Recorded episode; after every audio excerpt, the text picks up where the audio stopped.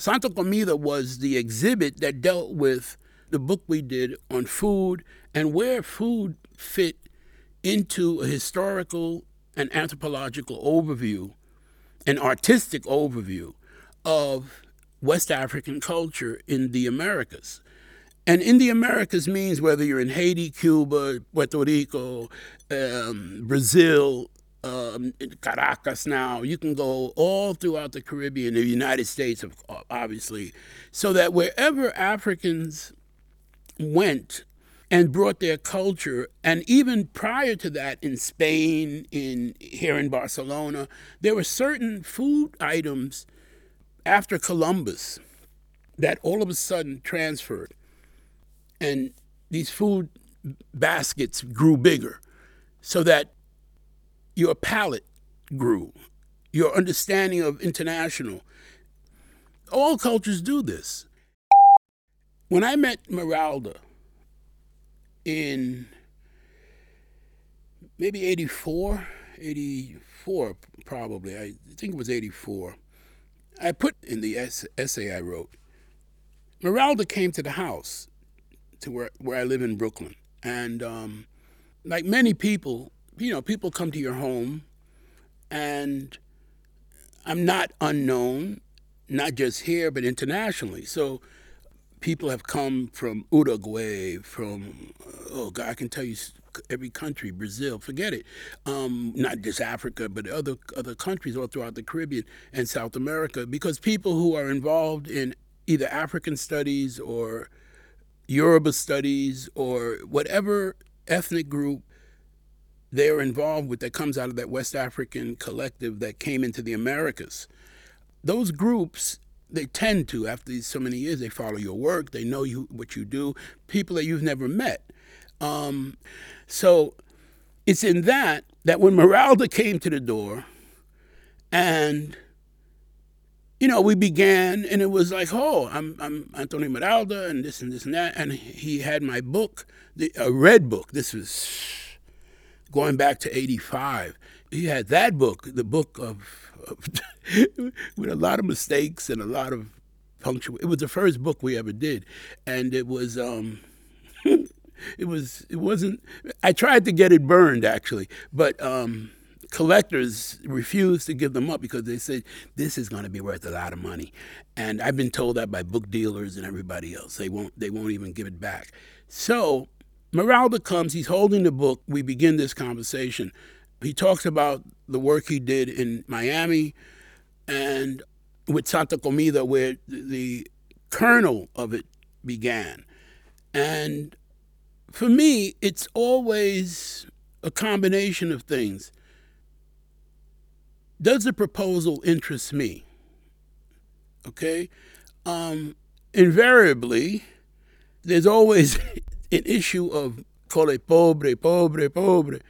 Um, artists, uh, idealists, whatever you want to call them, musicians. I'm a musician, 100 years, and and you realize every you'd be surprised how many people come and they have two dollars and and they're trying to buy something for four, and could you please help them? And and it's like are you kidding me?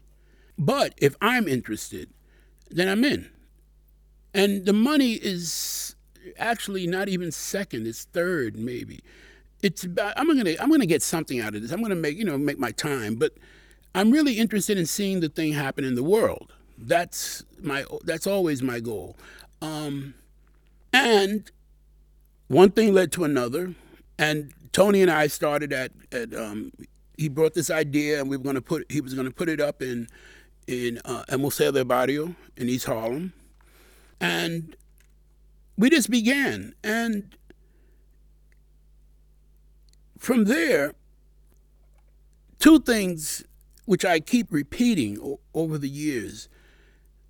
I'm not, as as some people notice, I'm not the easiest person because I don't suffer fools. If I can I don't waste my time. Life's too short.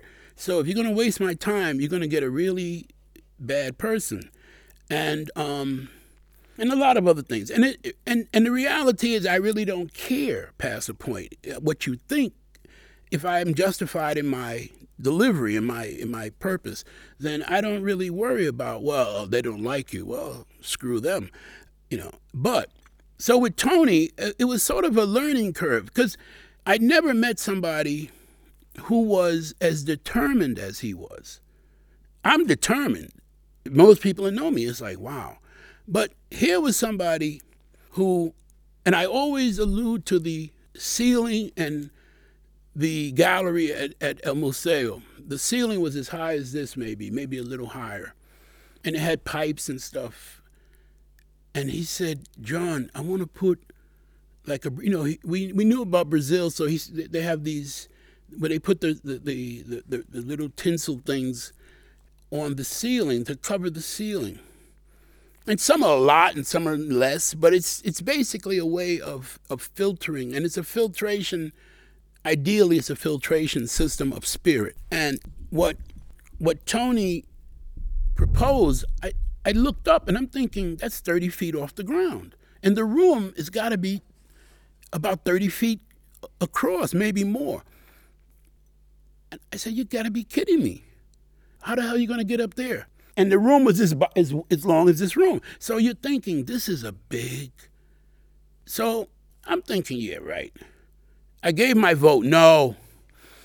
And then I came back a couple of days, and there was scaffolding, a rolling scaffold, and they had already started. One, two, going from side to side, pinning up this paper ceiling this paper decorate, decorative ceiling.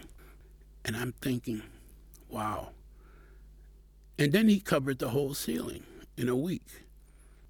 That was the beginning of me realizing you're not in Kansas anymore, to quote somebody. That here was somebody who had a singular vision and had the wherewithal to carry it through. It doesn't matter who teaches you a lesson, perseverance as long as you're a good student and take the information in and make it part of your own repertoire of tools. And for that, Tony and I were ever, forever linked.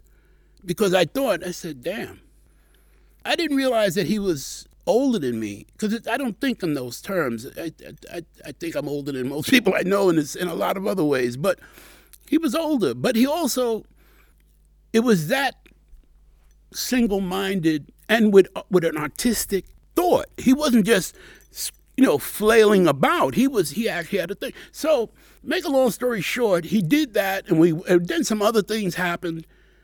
And by the end of the exhibition, when it came, when it finally was over, I surprised myself and I told him, I said, you know something? I didn't think we would be friends in the beginning. I really, I meant that. Because there was a certain genteel pushiness that I didn't particularly care for. I don't like people pushing me, all right? And I try not to push other people. I, I give you an either or. Here's the, here's the reality. This is what you should do. Do it or I don't care. Then stay out of my way if you're not going to do it, in other words. But with Miralda, he would keep, but he would do it, oh, John, oh, oh, oh, oh. And I'm thinking, son of a gun we're on the radio, so I won't say anything else because I would I would say something else. But it would be always that, and it it was like somebody poking you. Oh, come on, come on, come on, come on, and you're like, don't you stop freaking poking me. But he would do it with that charm, and for me, again, that took a minute to adjust to because it's like, huh. But the result was so spectacular so so above what you what you could expect. And we became friends. And we've been friends 30 years now. I was telling Miralda yesterday, we were talking, you know, as over many years we've been talking. And, you know, we're older men. We're closer to the end than we are to the beginning. And we've both been very successful in our in what we've set out to do, and we're looking for more things. You know, but that's what we were discussing. What are you? What's next? What are you working on? What are you looking towards? What are you doing? So we're, we're, we're planning. You know, there's no, there's until I fall over, the plan's still on. You know, I'm trying to still work. I have a, a, a bolero. Um, no Vida Amor is the name of the bolero. And so I hired this, I was auditioning for the, for the, for the band. And um, Alva, she's a, a viola player, very excellent highly recommended. But that it doesn't matter who you are. I take a I take a piece of music here, play that. This is audition. Yeah, play that. This is so. What are you gonna What are you gonna do? What are you gonna Are you gonna play along? I said, yeah. Take out a stick. Play. Or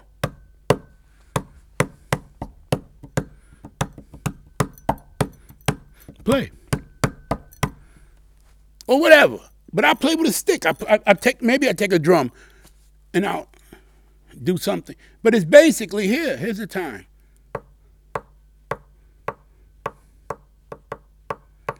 Play. You want to know where one is? One, two, three. Play. And they're like, oh shit. It's like I always figure there's me and what's standing behind me. I, you can't see it. Little kids do. Little kids looking at mother said, what, you, what is he looking at? I say, he sees the thing behind me. I tell the kids, don't be afraid. It ain't to bother you. Right. You think I came in here by myself? Give me a break.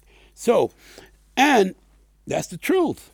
See, everybody gets like, oh, wow, he's talking mystic, mystically and all that. No, no, no, no too, too old for that. This is now we're talking what you can see and what I can see are two different things. That's the and don't forget it's only one eye, but I can see more with this one eye than you can see with both. This is the doctor putting here. See.